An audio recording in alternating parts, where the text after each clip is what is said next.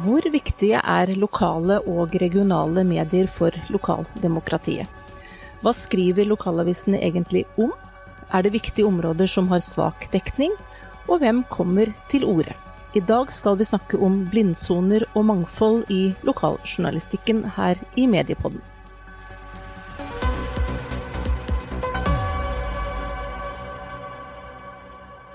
Velkommen til Birgit Røe Mathisen og Lisbeth Molandstø, begge fra forskningsgruppa for journalistikk ved Nord universitet i Bodø. Vi sitter sammen her i Bodø for å snakke om en bok dere akkurat har utgitt, og den har tittelen 'Blindsoner og mangfold en studie av journalistikken i lokale og regionale medier'. Og for å utfordre dere på en hovedkonklusjon først ut fra den forskningen dere nå har gjort, hvilken betydning vil dere si at lokale og regionale medier har i Norge nå i 2019? Vet ikke hvem som vil svare først. Birgit? ja. Jo, vi mener jo at eh, lokale og regionale medier er viktig på, eh, på mange måter. De er jo en eh, de er jo viktige i forhold til lokalt demokrati. Eh, vi tenker at vi kan betrakte journalistikken som en infrastruktur i samfunnet. Og på samme måte som vi trenger veier og busser og båter og eh, hurtigruter for å ta oss fram, så trenger vi òg en journalistikk som kan informere oss og opplyse oss, og at vi som borgere får hjelp til å, til å navigere i, i, det samfunnet vi, vi er en del av. Og eh, lokalmedia har jo òg eh, altså En ting er jo betydninga i forhold til eh, lokalt publikum og lokalsamfunnet de er en del av. Og vi tenker òg at de har betydning i, større, i en større sånn offentlighetssammenheng med at lokalmedier bidrar med å sette søkelys på saker som kan da bli løfta opp i en større nasjonal debatt.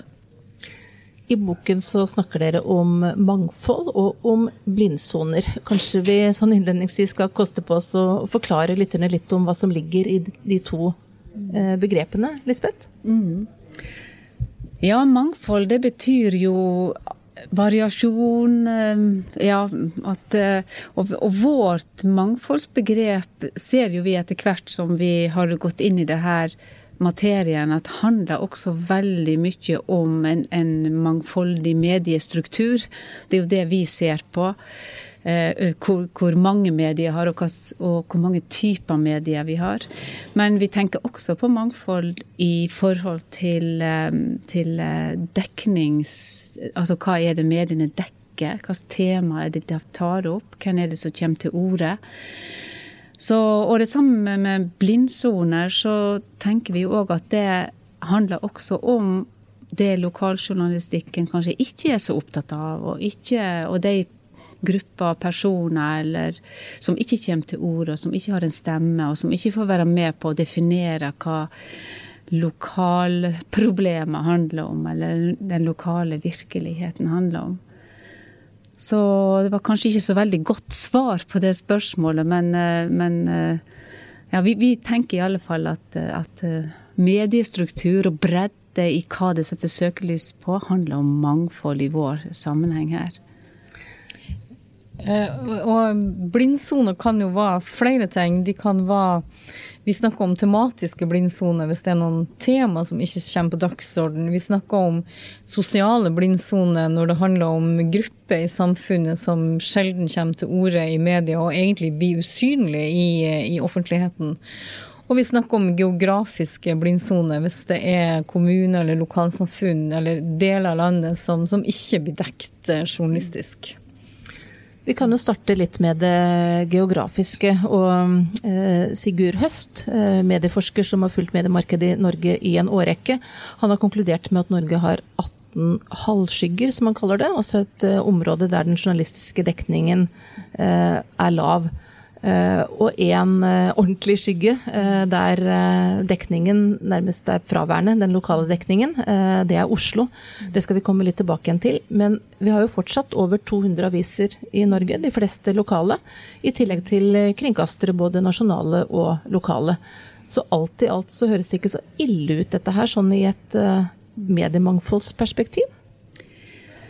Nei, det er vi enig med deg i. Men samtidig så har det skjedd veldig mye de siste åra. Og kanskje først og fremst i forhold til frekvens. Altså at de mediene som, var, som ble utgitt hver dag, utgis nå fire dager i uka. De som ble utgitt tre dager i uka, utgis nå kanskje bare én dag i uka. Og at det er flere og flere medier som slår seg sammen, to og to. Og det, akkurat det her vet vi kanskje litt lite om også, for det har jo skjedd òg veldig mye på på det i forhold til kommuner f.eks. Kommunene slår seg jo også sammen. Avisene slår seg sammen. Og, og hva, hvordan ser egentlig de geografiske blindsonene ut? Det er jo det har jo vi snakka litt om at det hadde vært spennende å gå videre på. Også, også, for å se på hvilken eh, regional rolle NRK spiller, f.eks. Som ofte ikke kanskje har vært med i bildet når vi har snakket om lokaljournalistikk. De forrige tallene vi har, ehm, er jo fra tre år tilbake, 2016, og da var det 22 såkalte halvskygger. Så, sånn sett så kan det se ut som det faktisk er blitt litt bedre på de siste få årene. Mm.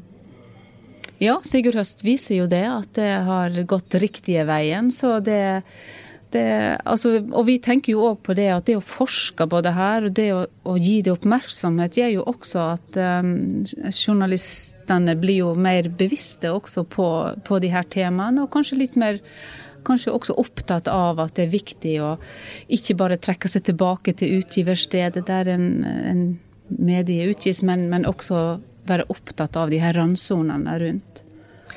Vi må snakke litt om uh, Oslo, uh, for det er jo det eneste stedet i Norge som uh, Sigurd Øst, for å komme litt tilbake til han, har definert som en skygge, og som dere også viser et, vier et helt kapittel i, i, boken deres. og hvorfor tror dere det er så svak journalistisk dekning av lokale saker i hovedstaden vår? Det er et godt spørsmål. For det første så kan jeg si at det er ikke en spesielt norsk trend. Det her ser vi gjelder i hovedsteder og storbyer i, i andre land òg. Og vi finner i Sverige det bl.a. forska mye på, på blindsonene i de store byene. Stockholm, Göteborg og, og, og Malmö. Eh, men hvorfor det er sånn, det, det, er, det, er, et godt spørsmål. Det finnes mange medier i Oslo, men de dekker, det de ikke dekker, er jo si, de, de, mange lokalsamfunnene som Oslo er en del av. Bydelspolitikken i, i de ulike, ulike bydelene. Eh, ei forklaring kan jo Noe av det kan i hvert fall kanskje handle om at det òg er mye både inn- og utflytting av Oslo, og at det kan ha noe å gjøre med lokal tilknytning og, og tilhørighet. Ja, at rett og slett uh, de, eller vi får vi se, bor der selv, uh, som bor i Oslo, ikke er så interessert i uh, de lokale sakene? Ja, og samtidig så, eh, så, har vi forskning som viser at folk er interessert i de lokale sakene, og eh, orienterer seg i bydelen på samme måte som folk i, i et lite lokalsamfunn forholder seg til sitt lokalsamfunn. Så jeg tror interessen for lokale, lokale nyheter og formidling av ting som, som, skjer lokalt, er like stor i Oslo som, eh, som i andre lokalsamfunn. Men hvilke konsekvenser har det, tenker dere, eh, når vi da har eh, et så stort område som nærmest mangler lokaljournalistikk?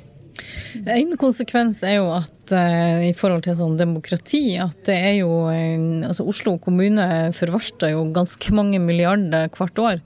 Det betyr at det skjer store politiske beslutninger og prioriteringer som i veldig liten grad uh, blir fulgt av journalistikk.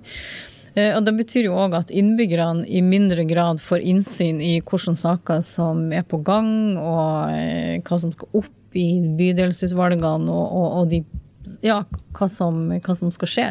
Og Da får man jo òg mindre mulighet til å prøve å påvirke prosessene før, de, før det blir gjort beslutning. For der har jo journalistikken en viktig rolle med å informere innbyggerne om eh, hva som er på gang, hvilke saker politikerne jobber med, og, og dermed ha muligheten til å kunne ja, gi, gi, sitt syn før endelig beslutning er tatt. Nå har jo Oslo kommune bestemt seg for å gå i gang med et uh, prøveprosjekt der de uh, går inn med kommunal mediestøtte. 9 millioner kroner fordelt på tre år. Tror dere det er et tiltak som kommer til å ha effekt? Det blir spennende å se. Det er jo første gangen, så vidt jeg vet, at en kommune på den måten går inn og bevilger penger sånn. Og det er jo ut ifra at kommunen òg opplever at det trengs mer journalistikk og mer kritisk journalistikk på, eh, på, den, på politikken i, i Oslo. Og så er det jo delte meninger om eh, altså Det er jo mye rundt den støtta som diskuteres. Både er det rett at en kommune skal gi ut, blir det for tette bånd mellom de som deler ut og de som får? Hvem skal være berettiget støtte? Så, men nå skal jo det her prøves ut i tre år, og det blir veldig spennende å se hvordan det fungerer og eh, hva som kommer ut av det. Så det er jo òg et felt vi tenker det er viktig å følge videre i, i videre forskning på lokaljournalistikk og, og se. Blir det en ny analyse om tre år, kanskje, da, for ja. å se om det har vært noen forskjeller i løpet av den perioden? Det kunne vært interessant? Det kunne vært veldig, veldig interessant. Vi må også snakke litt om hva mediene lager saker om. Eh, det som kalles tematisk mangfold. Dere har analysert innholdet i 24 lokale og regionale medier over en viss periode. Eh, og da er det ett område som klart er det største, med nesten én av fire eh, saker. Og det er sport. Var det overraskende? Kanskje ikke overraskende, fordi at den eh, forrige store undersøkelsen som ble gjort, som Sigurd Allen gjorde i år 2000, han fant jo også at sporten dominerte veldig. Og han snakka jo også i den perioden om en sportifisering av journalistikken. Og det vi ser nå er jo at den har økt kraftig på de åra siden han gjorde den undersøkelsen. Sånn at det er, det er mm, Ja, det er veldig mye journalistikk Nei, polit, nei sport, sport. syns vi. Og spesielt i forhold til det andre temaet som òg er, er veldig viktig i, i lokaljournalistikken, altså politikk. Men det, er, det utgjør bare ja, ca. halvparten av det, under det. For politikk er på andreplass ja. med 12 ja. men det er som du sier bare halvparten av så mm. mye plass som, som sporten får. Eh, og med tanke på det som pressen liker å omtale som samfunnsoppdraget, mm. Hvordan samsvarer det, tenker dere som medieforskere, med at såpass mye av innholdet er sport? Nei, altså vi synes jo at det er veldig masse. Og vi synes også at det er veldig mye journalistikk av den typen sportsdekning som vi liksom hadde tenkt at at eh, vi som publikum får andreplasser, altså f.eks. om United og om resultater og sånn. Så det er slett ikke bare lokalsport når nei, man eh, skriver nei. om sport? Nei, det er det ikke, men det er klart det er mye lokalsport også. Og det har jo en annen funksjon enn en bare det her kritisk undersøkende. Det har jo også en, den funksjonen at det binder folk sammen, at det synliggjør hva vi kan og hva vi får til, og hva barna våre er opptatt av. Så det er klart at det er jo òg en viktig del av det her lokale samfunnsoppdraget. Eh, og det her med identitet. Lokalmedia har jo òg en oppgave med, som Lisbeth sier, å være lim i samfunnet. Og det her med å bygge identitet og tilhørighet. Og det er klart, der er jo lokal idrett en, en vektig del. Og, og det å kunne følge den lokale breddeidretten og barneidretten og, og vise liksom allsidigheten av det som foregår i samfunnet. Så, så, det er nok i hvert fall litt av forklaringa på at sporten får så mye plass. Og så er den kanskje enkel å løse. Det er mye ja, litt enklere, mindre ressurskrevende journalistikk å lage enn en del andre, andre ting så er det noen områder som det skrives så lite om at det nesten ikke synes på prosentene. Eh, som f.eks. arbeidsliv, klima, religion og innvandring. Og i boken definerer dere disse områdene som tematiske blindsoner. Og hvorfor tror dere det skrives så lite om disse temaene? Du Birgit kan jo få snakke om arbeidslivet, det har jo du skrevet om. Men men eh, det som vi, en ting som vi var litt overraska over, det var jo det her at det skrives veldig lite om innvandring, om miljø og klima. For det er jo temaer som ja. absolutt er inn i tiden, og som eh, Nettopp. mange snakker om og er opptatt av, ikke minst. Ja. Og som vi tenker også at veldig mange ungdom er opptatt av. Altså Ungdom har jo engasjert seg virkelig i klimasaken, og det kunne jo vært en sånn der en sånn gullgruve for lokaljournalistikken å tatt fatt i. Nettopp også for å nå ungdom. Kan det være at man eh, ikke finner den lokale vinklingen? At eh, lokalavisene tenker at dette er eh, ikke bare nasjonale heller, men internasjonale store temaer som sånn sett ikke har den lokale relevansen? Kan det være noen forklaring? Ja, det tror jeg absolutt det kan. Og så har vi også tenkt på at det kanskje har, eller diskutert om det kanskje også kan handle om at det, det er så mye dekning av det i, i, de nasjonale mediene, at kanskje også det oppfattes som om at ok, det tar de nasjonale mediene seg av, og så kan vi være opptatt av andre ting. Men, men det er jo litt påfallende når vi vet at asylmottakene ligger lokalt, og at innvandrerne bosetter seg lokalt. At ikke det er mer Eh, oppmerksomhet mot det, syns vi er, er litt underlig. Ser dere noen forskjeller mellom ulike typer lokal- og regional medier når det gjelder hvilke områder de dekker? Eh, noe henger selvfølgelig i hop med næringsstruktur, eh, sånn at det er jo naturlig at de medier som kommer ut i forsvarskommuner f.eks. For skriver mer om, om forsvar enn de som, som ikke har det. Eh, og samme i forhold til olje. Så, så, det er klart at det her med nærhet og hva, hva som finnes i lokalsamfunnet av næringsdrift, det, det har jo betydning. Men f.eks. mellom eh, de litt større og de mindre lokalavisene, ser vi noen forskjeller der? Jeg husker ikke om og hvordan det, hva slags utslag det gjorde på de her små feltene, det, det, det husker jeg rett og slett ikke. Kanskje så små tall at det ikke er så lett å ja, si noe om også. Ja, det også. Mm. Det også. I mange sammenhenger så snakkes det jo om at eh, lokalmediene, eller for så vidt uh, avisene generelt, har to oppgaver. Uh, kanskje spesielt i lokalmiljøene. Dette med lim og lupe. Det syns jeg er et veldig godt begrep, eller to gode begrep egentlig. Limet handler jo om det å skape engasjement og tilhørighet, mens det å være lupe handler om å drive undersøkende journalistikk og avdekke kritikkverdige forhold. Og i studien deres så finner dere at bare 5% av alle sakene som er analysert, er kritiske. Betyr det at lokalavisene svikter sin jobb som lupe? Vi syns i hvert fall at 5% kritisk journalistikk er, det er jo, det er jo lågt. Eh, og vi hadde nok eh, håpa å, å, finne mer. Eh, samtidig så, så ser vi jo noen Eh, interessante variasjoner når vi splitter det opp eh, på tema. Så er det ganske store forskjeller med hvilke tema vi finner kritisk journalistikk innenfor. Eh, og her er det to trender som er interessante. Det ene er at på noen av de det som vi definerer som tematiske blindsoner, som arbeidsliv, klima, olje og energi der, når de sakene, de, de temaene først kommer på dagsorden, så er det ofte i form av kritisk journalistikk. Eh, den andre trenden er at vi finner mer kritisk journalistikk innenfor politikk og næringsliv enn mange andre områder.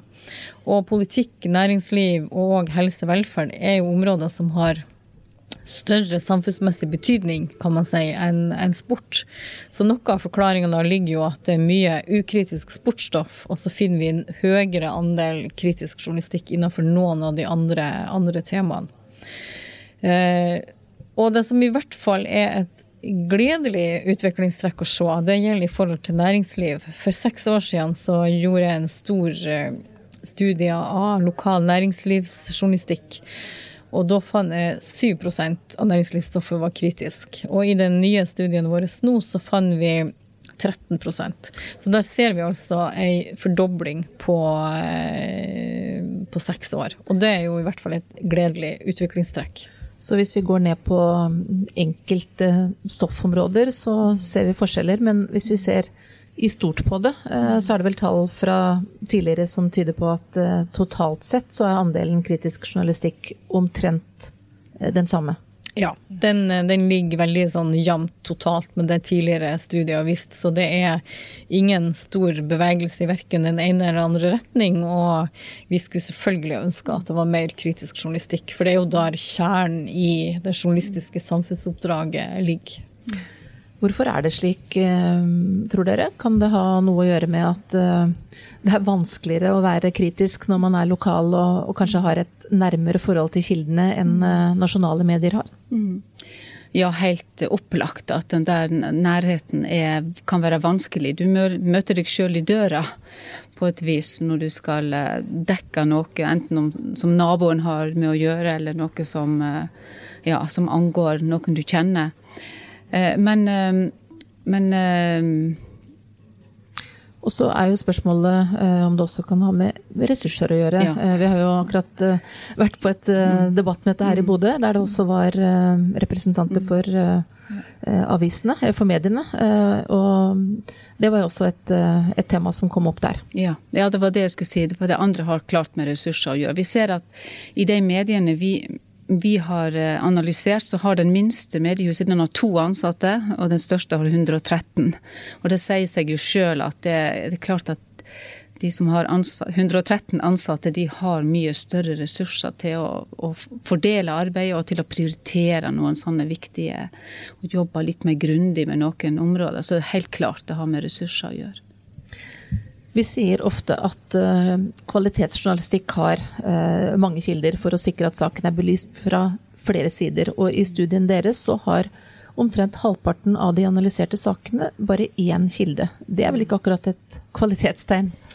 Nei, det er en, eh, det er en høy andel enkildejournalistikk. Urovekkende høyt, skriver dere i boka. Høyt, ja. ja. Og vi hadde jo absolutt håpa å finne og finne at den var lågere. Da ser vi òg at sammenlignet med tidligere studier, så ligger det tallet ganske fast. Så der er det heller ingen endring i verken den ene eller andre retning eh, over, over år. Men litt paradoksalt, nettopp fordi at det har ligget sånn, altså, og at mediene sjøl har vært så opptatt av det, og blir så beskjemma hver gang der, eh, den der fakta blir lagt på bordet igjen, at ikke det gjøres noe med det, det er ganske ja, rart. Og en annen ting som uh, man kan lure på om det er gjort noe med, i hvert fall når man ser på tallene, uh, det er jo når det gjelder hvem som kommer til orde. Mm. Um, for dere har funnet at eh, kildeutvalget er topptungt. Eh, at få barn, unge og eldre kommer til orde. Mm. Få med innvandringsbakgrunn. Og fortsatt så er det betydelig flere menn enn kvinner som er kilder for lokale og regionale medier. Mm. Mm. Ja, der også viser, synes det som om at uh, tallene er veldig stabile. Vi kommer liksom, Uansett uh, hva studie som gjøres, så kommer en til det samme resultatet hver gang. Så det er veldig rart at ikke det gjøres noe med, og at ikke det er Selv om det er bevissthet om det hele veien, så er det likevel det samme bildet vi finner. Men det som vi syns også der var veldig spennende, det er når vi bryter det ned på ulike typer medier, så finner vi at det topptunge kildevalget blir litt mindre topptungt når det er de minste avisene, og det blir litt mindre mannsdominert. Sånn at, at bredden i kildeutvalget er større, helt opplagt i de minste avisene. En av eh, redaktørene som deltok på det debattmøtet vi akkurat kommer fra, eh, sa at eh, ja, vi, vi tenker på det, men så blir det borte i hverdagen. Er det en viktig del av forklaringen her? At journalistene og redaktørene rett og slett ikke klarer å ha dette nok med seg eh, i hverdagen? Tror du det? Ja, jeg tror det. Jeg tror mye handler om eh, vaner og rutiner, og at eh, journalister får det jo mer og mer travelt. De er blitt færre og skal likevel dekke eh, fylle like mye plass. Eh, og i en travel hverdag så tror jeg det er veldig lett å eh, gå til de kildene man har brukt før, og som man vet uh, svare fort. Mens det krever mer å gå til andre typer kilder, som er mindre medievant, og som man kanskje må lete etter, og bruke mer tid på å ja, at de skal føle seg bekvemme med å stille opp. Så jeg tror mye handler om uh, en travel hverdag, og at det var lett å gå i de, i de vante sporene. Men så skal det òg sies, det er jo òg en, en uh, en viktig forskjell mellom lokalmedia. Altså lokalmedia er òg eliteorientert, men sammenlignet med riksmedia, så er elitedominansen mindre. Så lokalavisene er flinkere til å la ja. vanlige folk komme til orde, rett og slett? Ja, de, de, er i større grad en arena hvor vanlige folk får lov å komme inn og, og definere virkeligheten. Så det er òg en viktig nyanse å ha med. Så selv om lokaljournalistikken er topptung, så er den dominansen mindre enn, enn i de store media. Men hvis nå lokale og regionale medier skal ta tak i noe av det dere nå har funnet, altså det er eh, mannsdominert, det er eh, hvitt, eh, det er topptungt, og det er en god del saksområder som det skrives lite om. Hva er det beste rådet dere kan gi de som sitter ute i redaksjonen i det daglige, for å gjøre noe med dette? Eh, et godt råd eh, tenker jeg er å bli flinkere å snakke med ungdom. Eh, vi synes jo Det var, det er jo et stort paradoks at ungdom i så liten grad blir kilde. For det er jo de som er framtidas mediebrukere. Skal du oppdra ungdom og, og få de til å bli vant til å forholde seg til lokalmedia som en viktig nyhetsorgan, så er det jo kanskje viktig å begynne å snakke med dem. Og hvis de skal føle at lokalmediet er et medie for de, hvor de kjenner seg igjen og kan identifisere seg med de fjesene de ser og den tematikken de møter, så, så tenker jeg at det er en god plass å begynne. Og et annet råd er jo å rett og slett begynne å registrere hva en gjør. Sant? Og telle, telle og måle, rett og slett? Ja. Rett og slett finne ut hvor mange eh, innvandrersaker har vi, eller hvor mange innvandrerkilder har vi. Hvor mange eh, Masse skriver om arbeidsliv, og at ikke på en måte at de må vente på de her store undersøkelsene for å få en sånn obs. Eh, men at de kan sjøl registrere og bli bevisst på hvordan de utfører sin, den daglige journalistikken, det må jo være relativt enkelt å gjennomføre også. Dere har jo i denne undersøkelsen nå eh, både sett på det som skrives på papir, eh, og det som publiseres digitalt. Ser dere noen forskjeller eh, som er verdt å legge merke til når det gjelder hva slags type plattform sakene publiseres på? Um. Ja, det gjør vi. Og vi, eh, vi, husker så mye av det nå. Men, men vi finner bl.a. at det er, det er, mer sport på nett. Og vi finner også at eh, som, som tidligere studier har vist, at uh, mannlige journalister jobber mer med nettjournalistikk og kvinner med papirjournalistikk. Men det som vi også syns var interessant der, det er at når vi ser på hva som lages av den betalt, altså sånn betalte journalistikken og den gratisjournalistikken, så er det faktisk flere kvinner som jobber med saker som legges bak betalingsmuren. Og temaene som kvinnelige journalistene jobber med, er langt bredere. altså Det er en større vifte av tema enn de mannlige journalistene, som, vel, som oftere jobber med enten sport og noen sånne helt sånn Så menn er mer spesialisert? Ja, det kan du si. Mm. Det kan du si. Konsentrerer seg mer om én eller to felt, mens kvinner jobber på flere felt. Nå har vi jo snakket om eh, de tingene som eh, er mangler eller blindsoner på, på ulikt vis, men eh, oppsummert Hvilken betydning tenker dere at lokalavisen har i dag, ut fra de forskningsresultatene som dere har gjennom de analysene som dere nå har gjort? Da tenker vi jo at vekt, Et viktig poeng, og det gjelder jo ikke bare lokalavis, men hele spekteret. Altså det at vi har, vi har jo en uh, veldig variert mediestruktur i Norge. Vi, som med stor geografisk spredning, og vi har alt ifra ultralokale små fådagersaviser, lokale dagsaviser, regionaviser eller mediehus og NRK. Uh, og vi finner jo noen ulike styrker og svakheter, noen tydelige forskjeller mellom de gruppene medier. Så det å ha den varierte strukturen vi har, har en stor verdi i forhold til mangfold i seg sjøl. fordi at det gir oss jo et eh, Til sammen så gir jo det oss et mer variert tilbud. Nå har jo eh, regjeringen eh, i sin mediestøttemelding, som også Stortinget har sluttet seg til, gitt et tydelig signal om at små lokale aviser skal prioriteres når det gjelder mediestøtte framover. Eh, tenker dere at det er en riktig prioritering i forhold til sånn dere ser eh, lokalavisene per i dag? Ja, jeg har veldig sans for den måten å tenke på. Også når vi ser hva, hva som skjer i andre land. Altså at det er, det er de minste redaksjonene med de minste ressursene som forsvinner først. Og, og at, det, at, det, skaper noen sånne geografiske blindsoner som, som gjør det veldig vanskelig å, å få det, det demokratiske ja, samfunnet til å fungere. Altså at det blir faktisk veldig mange saker som det ikke blir informert om, og at eh, innbyggerne føler seg veldig alene og eh, tilsidesatt i forhold til de beslutningene som tas og de vedtak som gjøres. Så, så jeg tenker jo at det å opprettholde denne mediestrukturen er veldig, en rikdom som, eh, som vi har, som vi virkelig bør ta vare på. Som eh, medieforskere, og med det dere vet nå, etter den studien dere nå har gjort, hva tenker dere at blir viktig å forske på framover når det gjelder lokalaviser? For dere har vel ikke tenkt å gi dere med dette? Nei, vi har ikke tenkt å gi oss. absolutt ikke.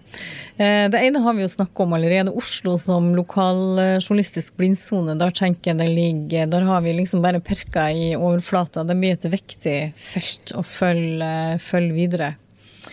Eh, og òg NRK sin betydning som eh, regional medieaktør. Når vi snakker om lokaljournalistikk, så tenker vi ofte på lokalavisen. Men NRK sine distriktskontor og lokalradio er jo viktige lokaljournalistiske aktører.